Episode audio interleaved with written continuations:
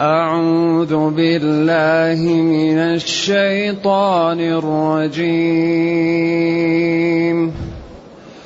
بسم الله الرحمن الرحيم. سبح اسم ربك الأعلى الذي خلق فسواه الذي خلق فسوى والذي قدر فهدى والذي أخرج المرعى فجعله غثاء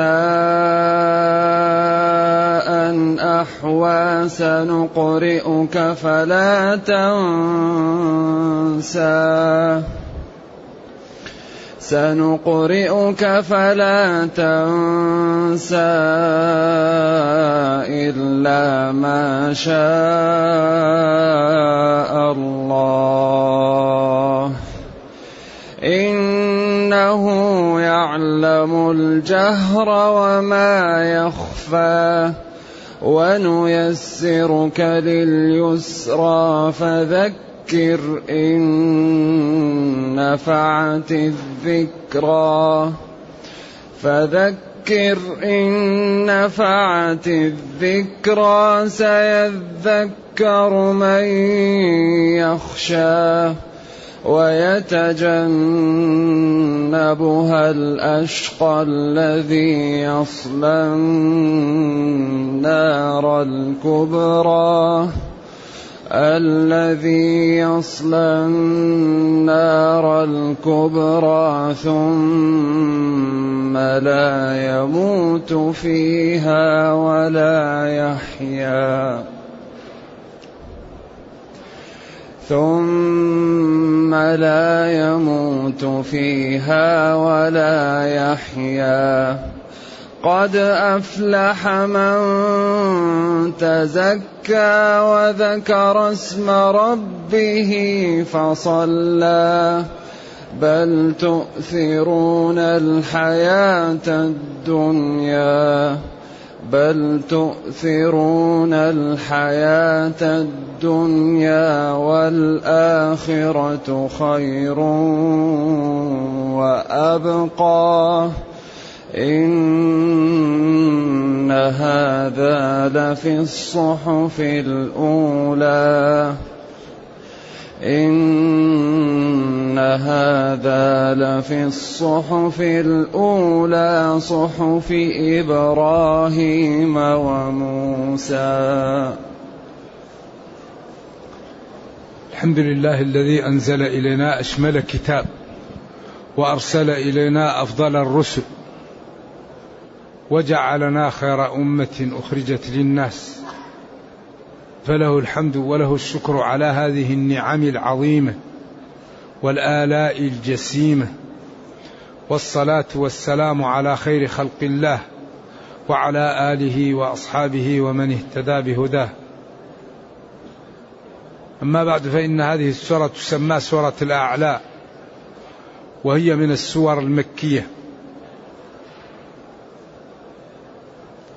وبدأت بالأمر بالتسبيح. سبح اسم ربك. واختلف العلماء في هذا الأسلوب إلى أربعة أقوال. فقال بعضهم سبح ربك وسم صلة. يعني سبح ربك قل سبحان ربي الأعلى سبحان ربي العظيم سبحانه ما أعظمه. القول الثاني سبح يعني اسم ربك منزها له أن يطلق على غيره كما فعلت كفار قريش حين قالوا من الله اللات ومن العزيز العزى فنزهه وقدسه ولا تجعل اسمه إلا له فافرده به. وهذا اختيار كبير اختيار كبير المفسرين. ابن جرير رضي الله عنه. القول الثالث سبح اسم ربك يعني نزه الله تعالى بأن لا تشرك معه أحد ولا يكون في قلبك إلا الله. القول الرابع سبح اسم ربك أي صلي لربك. ونعم التسبيح المقصود به الصلاة و و والأقوال متقاربة والخلاف تنوع. الأعلى سبح يعني نزه وقدس. وصلي واذكر وأفرد بالعبادة ربك اسم ربك. ولذلك قال ما لا لبيد إلى الحول ثم اسم السلام عليكما. ومن يبكي حولا كاملا فقد اعتذر. ثم اسم السلام ما قال ثم السلام ثم اسم السلام عليكما. أيوة. فيعني بتسمية الله أبدأ وأستعين وأقعد وأجلس كما قال بسم الله مجريها ومرساها. نعم.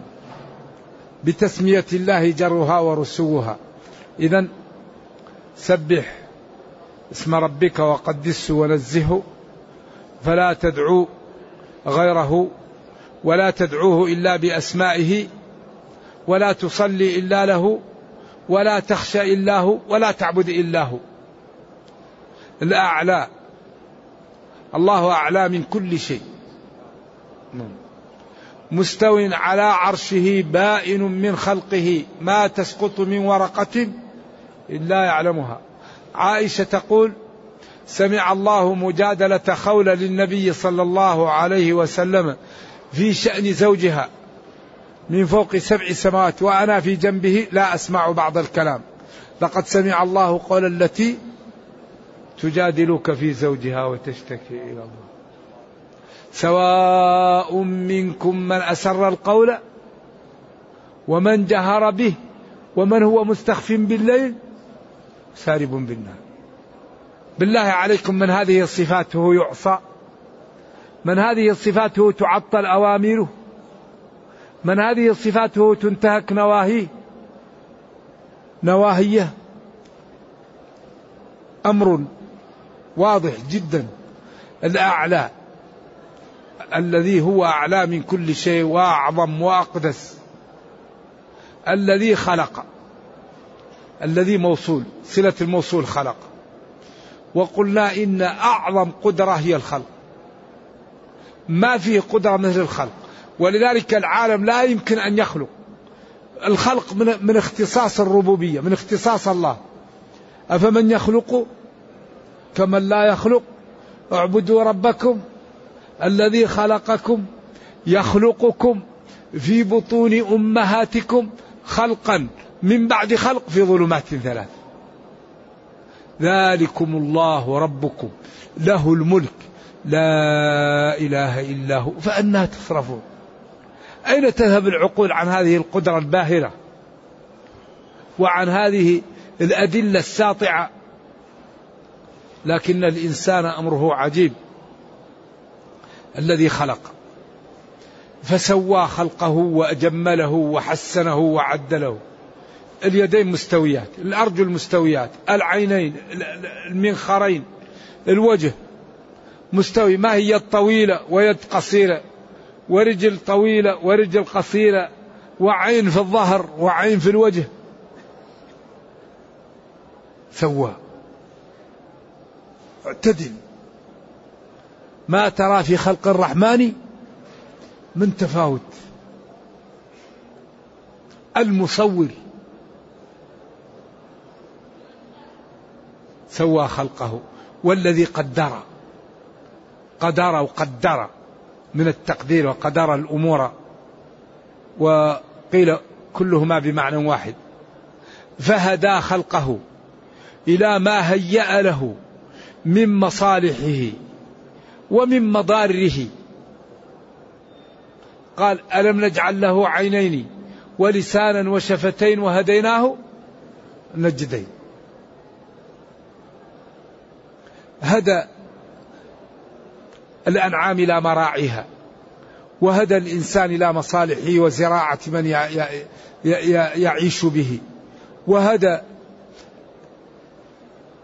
الزوجين إلى الطريقة التي يتناسلون بها. وهدى الجنين عندما يكمل لأن يخرج من بطن أمه وقال ثم السبيل يسره. هدى من وفقه للهداية وللطاعة وللتوفيق. وبين أعوذ بالله لمن أضله طريق الضلال وزينها عنده. أعطى كل شيء خلقه. كل إنسان أعطاه ما به يعيش وما به تستقيم حياته. من الدواب ومن الأنعام ومن الإنسان ومن الشياطين ومن الجان. وما من دابة في الأرض ولا طائر يطير بجناحيه إلا أمم أمثالكم. وما من دابة في الأرض إلا على الله رزقها. ويعلم مستقرها ومستودع. كل في كتاب مبين. قدر فهدى هدى كل إنسان لمصلحته. قرأت في تفاسير البارحة أن الحيه تعيش مدة طويلة وأنها إذا عاشت ألف سنة عميت وأن في هناك أوراق شجر إذا حكتهم الحية يعني على عينها أبصرت وأنها تلهم تسافر من المسافات إلى المحلات التي توجد فيها هذه الشجرة لتحكها على عينها لتبصر. كيف وهي عمياء تهتدي إلى هذه الطريق حتى تحك هذا على عينها؟ ذكر ذلك القرطبي وذكره غيره لكن ذكره بدون إسناد. ذلك تجد الدواب تهتدي إلى ما ينفعها ما يضرها تبتعد عنه الإنسان والذي أخرج المرعى. أخرج أنبت المرعى ما تأكل العام. فجعله بعد أن أخرجه خضرا نضرا غثاء يعني مكسر زي بقية السيل أحوى مسود لما له من إيش؟ من من الزمن. وقيل أخرج المرعى أحوى فجعله غثاء. وهذا بعيد. أخرج المرعى فجعله أخضر ناضلا ثم بعد ذلك جعله ييبس ويتكسر. نعم. يكون في الكلام تقديم وتأخير لكن هذا بعيد. نسق الكلام أولى. بعدين قال سنقرئك يا نبيي سنقرئك ما ننزله لك على لسان جبريل فيقرأه فتحفظه. فلا تنسى. ولذلك قال له لا تحرك به لسانك لتعجل به. إن علينا جمعه. وقرآنه قراءته عليك. فإذا قرأناه فاتبع. لذلك هو يحقن. يعني النبي صلى الله عليه وسلم لأنه رسول يحقل المعلومة تحقل تجعل في قلبه. لذلك قلبه فتح وأغسل بزمزم وملئ حكمة. جاءه جبريل وعمل له عملية. شقه. وأخذ القلب. وملأه حكمة وغسله بزمزم ومسح عليه. سنقرئك فلا تنسى. إذا أنت اسمع ما يقرأ عليك جبريل ولا تحاول أنت كان إذا قرأ عليه يحاول أن يتابعه يتابعه. قال له اطمئن لا تتابعه. استمع بس أما الحفظ فعلينا. لا تحرك به لسانك لتعجل به. ذلك اصطفاه الله. ولما كانوا من يحرسني الليلة من يحرسني أنزل الله عليه والله يعصمك. فأخرج لهم رأسه وقال أما الله فقد عصمني فانصرفوا. هذا من الإعجاز في هذا الكتاب من تأمله لا يمكن إلا أن يسلم ويقوى إيمانه. لكن المشكلة قلة الوقت الذي نعطيه لكتابنا. ما نعطي وقت كامل ما نعطي وقت يكفي لتفهم هذا الكتاب للعيش معه للاستنارة به لصحبته صحبة يخرج الإنسان ما فيه من الكنوز ومن الحكم ومن الفوائد ومن حل مشاكل العالم. سنقرئك؟ فلا تنسى. لكن إلا ما شاء الله. في هذه العلماء قولان. القول الأول إلا ما شاء الله أن تنساه. كما قال يرحم الله فلان لقد ذكرني بآية نسيتها وقال ما ننسخ من آية أو ننسها. نأتي بخير منها أو منها وإذا بدلنا آية مكان آية والله أعلم بما ينزل. القول الآخر أنه إلا ما شاء الله من باب التأدب وتعليم الخلق وهو يشاء أنه لا ينسى. كما قال خالدين فيها إلا ما شاء ربك وشاء ربهم أنهم لا يخرجون منها. إنه جل وعلا يعلم الجهر وما يخفى. إنه جل وعلا يعلم ما يجهر به العبد وما يخفيه. إذا لا مهرب لا منجا لا نجاة إلا بالصدق. ما فيه إلا إنسان يصدق. يصدق يصدق. لا يهم في الناس. إذا رأوه الناس ما يهمه. إذا لم يرى أحد لا يهمه. إذا مدحوه لا يهمه. إذا ذموه لا يهمه. إنما يخاف ممن من؟ ربه. لا بد أن الإنسان يجب عليه أن يحمي عرضه. قال على رسلكما إنها صفية. والإنسان ينبغي أن لا يظهر بمظاهر يتهم منها. ومن وقف مواقف السوء اتهم. ذلك ينبغي للمسلم أن لا يذهب إلى أماكن فيها شيء لا ينبغي وينبغي أن يبتعد عن أماكن الربا وينبغي أن يذهب للأماكن الطيبة. ولذلك كالراعي حول الحمى يوشك أن يقع فيه. إنسان طيب لا يذهب إلى إلى مجالس يعني معروف أنها ما فيها فائدة ينبغي للطيب يحترم نفسه. فلا فلا تقعد بعد الذكرى مع القوم الظالمين. وإما ينسينك الشيطان فلا تقعد بعد الذكرى. وإذا رأيت الذين يخوضون في آياتنا فأعرض عنهم حتى يخوضوا في حديث غيره. فذلك المسلم لا ينبغي أن يغشى مجالس السوء. لا يليق بالتقي. أن يجلس مجالس فيها غيبة فيها نميمة فيها سخرية فيها لعب فيها استعمال شيء لا يجوز فيها شرب شيء لا يجوز. لازم المسلم يحترم نفسه. أيوة ولا يجلس في أماكن السوء. لأن الذي يجلس مجالس السوء يتهم. وخطر عليه أيضا يمكن أهل السوء أن يجروه ويوبقوه والإنسان ضعيف. إنه جل وعلا يعلم الجهر. الجهر هو الذي يظهر. وما يخفى والذي يخفي الإنسان. يعلم ما يجهر به الإنسان وما يخفيه. إذا العلاج الصدق. العلاج الإخلاص. العلاج المتابعة. بعدين قال وسنيسرك لليسرى. ونيسرك لليسرى. نيسرك الله. نحن معظم نفسه. يا نبي محمد صلى الله عليه وسلم لليسرى للأمر اليسير. ومن جملة ذلك أننا شرعنا لك هذه الشريعة السمحة. ما فيها أغلال ولا آثار. ومن جملتها أننا سهلنا عليك حفظ القرآن وجعلناك لا تنساه. ومن أجل ذلك أنك أمورك ميسرة.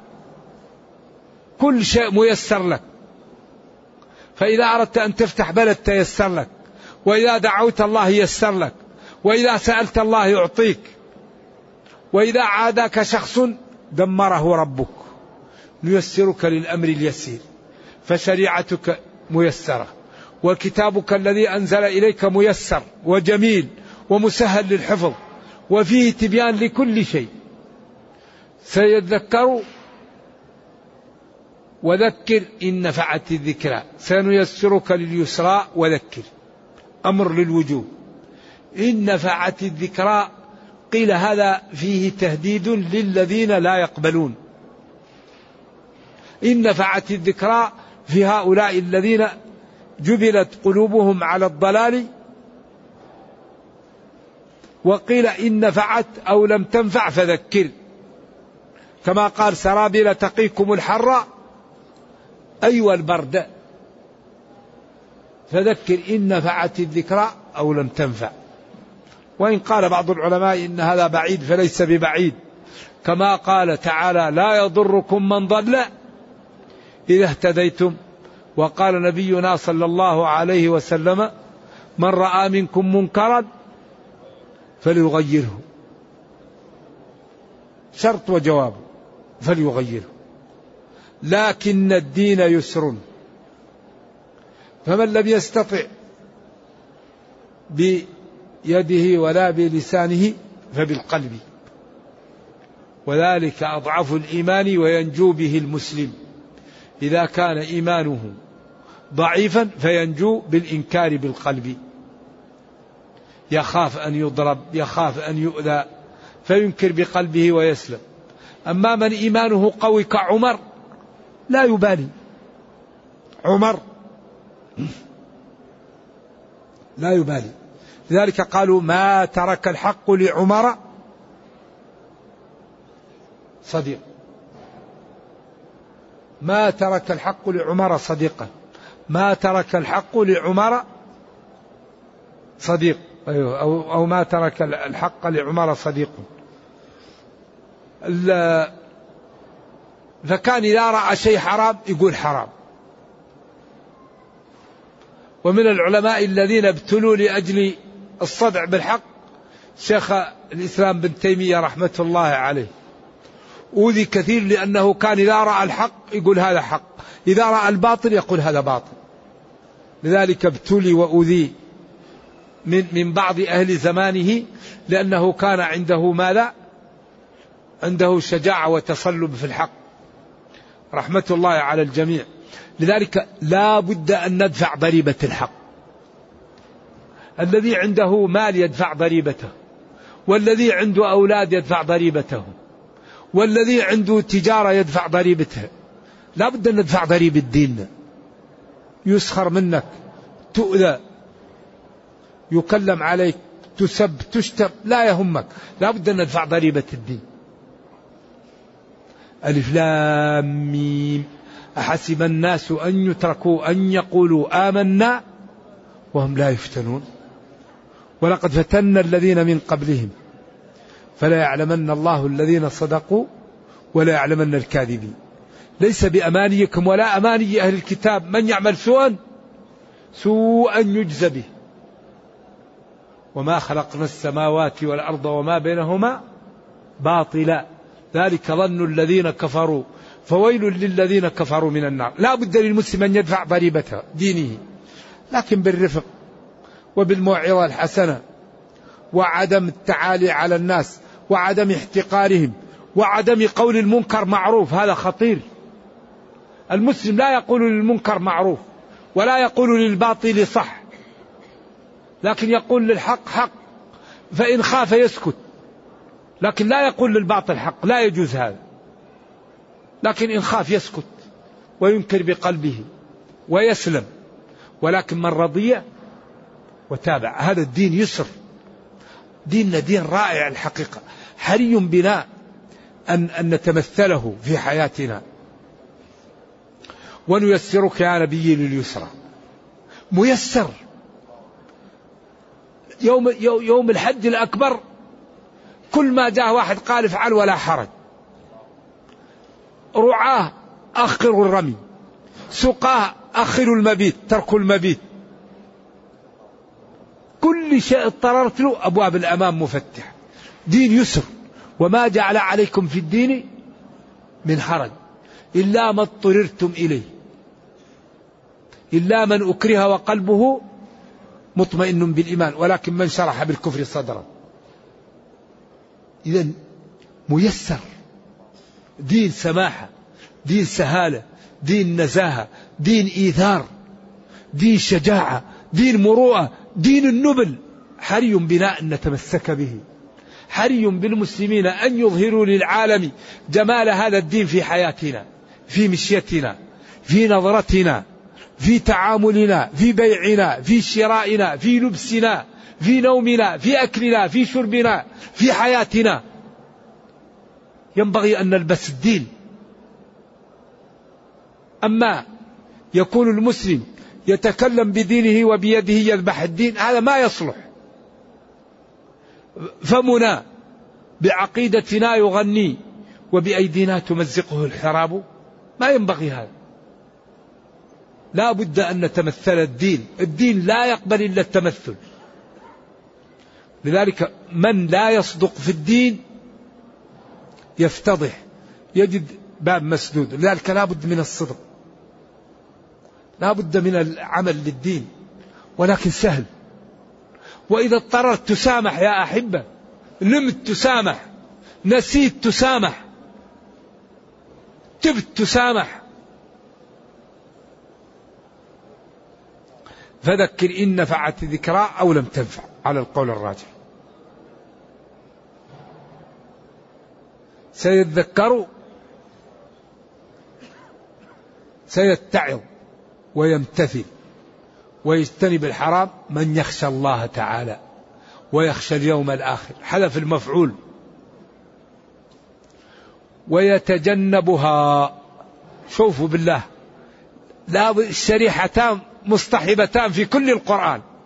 شريحة أهل الخير وشريحة أهل الضلال. حزب الله وحزب الشيطان.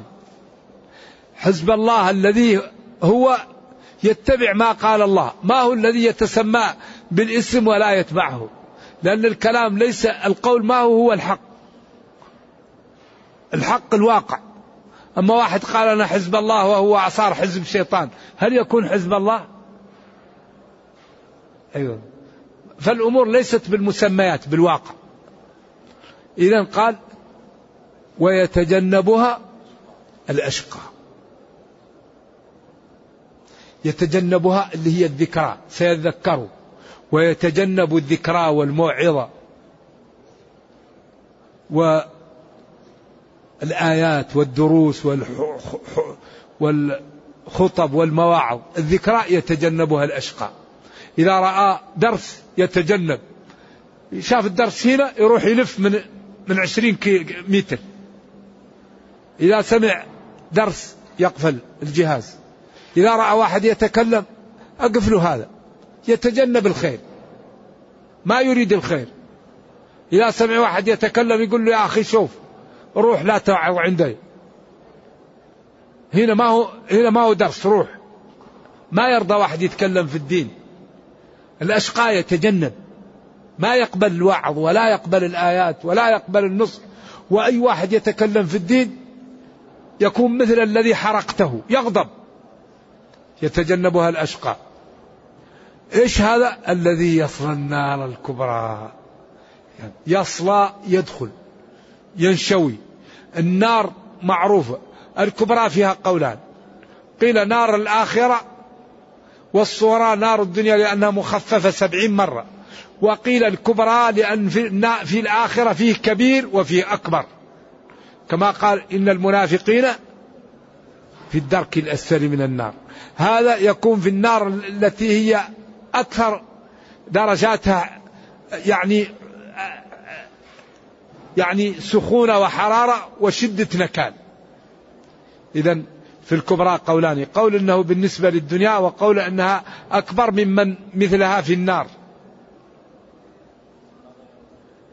ثم لا يموت فيها فيستريح. ولا يحيا فيتنعم بين الحياة والموت حتى يبقى دائما في شقاء وفي عناء عياذا بالله. نرجو الله السلام والعافية. ثم قال قد أفلح من تزكى. أفلح دخل في الفلاح. من تزكى. وذكر اسم ربه فصلى. هنا أقوال كثيرة للعلماء. قيل زكى زكاة الفطر. وصلى صلاة العيد. هذا قول لكثير من العلماء. وكأن ابن عباس يعني استبعد هذا لأن الآية مكية والفطرة وصلاة العيد كانت إيش؟ في المدينة. وقال البغوي لا مانع من أن تنزل في مكة ويكون حكمها في المدينة كما قال لتدخلن المسجد الحرام إن شاء الله آمنين. وقال سيهزم الجمع ويولون الدبر والآية مكية. وكان عمر يقول أي جمع هذا؟ حتى سمع النبي صلى الله عليه وسلم يوم بدر لما انهزم المشركون يقول سيهزم الجمع ويولون الدبر. فقد تنزل الآية في مكة ويكون حكمها في المدينة وقد تنزل في المدينة ويكون حكمها في مكة. لا يمنع من هذا. إذا أفلح يعني دخل في الفلاح والفلاح هو الفوز والفوز أن تأمن مما تخاف وتدرك ما ترغب فيه وأجمع كلمة للخير هي الفلاح. كما قال تعالى فمن زحزح عن النار وأدخل الجنة فقد فاز. قال ذلك الفوز المبين. قد أفلح المؤمنون. نعم. إذا دخل في الفلاح من تزكى؟ زكى نفسه بطاعة الله بالبعد عن معصية الله بدفع ماله في سبيل الله ببذل وقته في سبيل الله ببذل عرضه لله ومال ووقت وما يملك لأن بيننا وبين ربنا صفقة. نبذل أموالنا وأنفسنا وربنا يعطينا الجنة. إن الله اشترى من المؤمنين أنفسهم وأموالهم بأن لهم الجنة. وقال فاستبشروا ببيعكم. نحن نريد الثمن والمذمون. وهذا لا يكون. لا يكون. من يريد الجنة يبذل. يبذل يبذل. أوفوا بعهدي. أوفي بعهدكم لا بد أن نعلم هذا. إذا كنا صادقين لا بد أن نبذل. بعدين نجد الجنة. أما نحاول أن نكون من أهل الجنة ونحن ما عملنا للجنة هذا لا ينبغي. ويخالف سنن الكون. وذكر اسم ربه. نعم. قرأ فصلى أو دعا. ذكر عظمة ربه. وعظمة أسمائه وصفاته فدعا الله تعالى وصلى له وطاعه. بل يا كفار قريش تؤثرون الحياة الدنيا. ورد عن ابن مسعود أنه قال ما لنا نقدم الدنيا على الآخرة قال لأن الدنيا قريبة وفيها الأكل والشرب والنساء والمتع والملاهي والراحة والطمأنينة والآخرة بعيدة ومنزوية متأخرة ومنزوية. فلذلك قدمنا الدنيا لهذه الأمور وأخرنا الآخرة لأنها بعيدة وكأنها منزوية لا نراها. في زاوية ما هي ما كأنها غير ظاهرة. بل تؤثرون الحياة الدنيا. لذلك الحياة الدنيا حلوة خضرة نضرة. من أخذ منها بقدر استفاد ونجا. ومن أوغل فيها أصبح كالذي كالهيم الماء المالح يشرب ويزيد عطشا. ذلك لا بد أن ندخل في الدنيا برفق. نحذر الحرام. نحذر أن يعني تمنعنا من من فعل الواجب. أن تجعلنا نقدم على الحرام. الدنيا بلاغ متاع. فإذا كان هذا المتاع يكون هو الغاية صاحبه يهلك. لكن نعم المال الصالح للرجل صالح. لكن إذا كان الإنسان يريد الدنيا لأجل الدنيا يكون عبدا. ولا يستفيد منها وتكون سببا في عقوبته.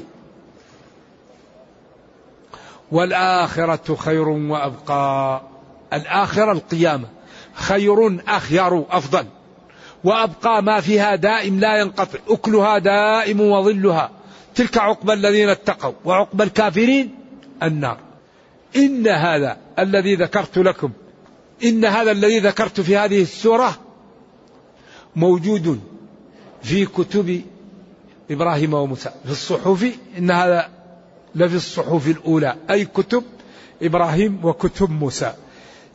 ولذلك هذه الكتب هذه الكتب تقول البدار البدار بالعمل للآخرة وعدم الاغترار بالدنيا.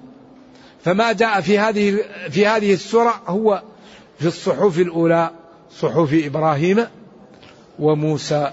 وفي كل الكتب المتقدمة أن الإنسان ينبغي أن لا يقدم الدنيا على الآخرة لأن الآخرة باقية والدنيا فانية ومن يقدم الفاني على الباقي هذا خسارة وسفه.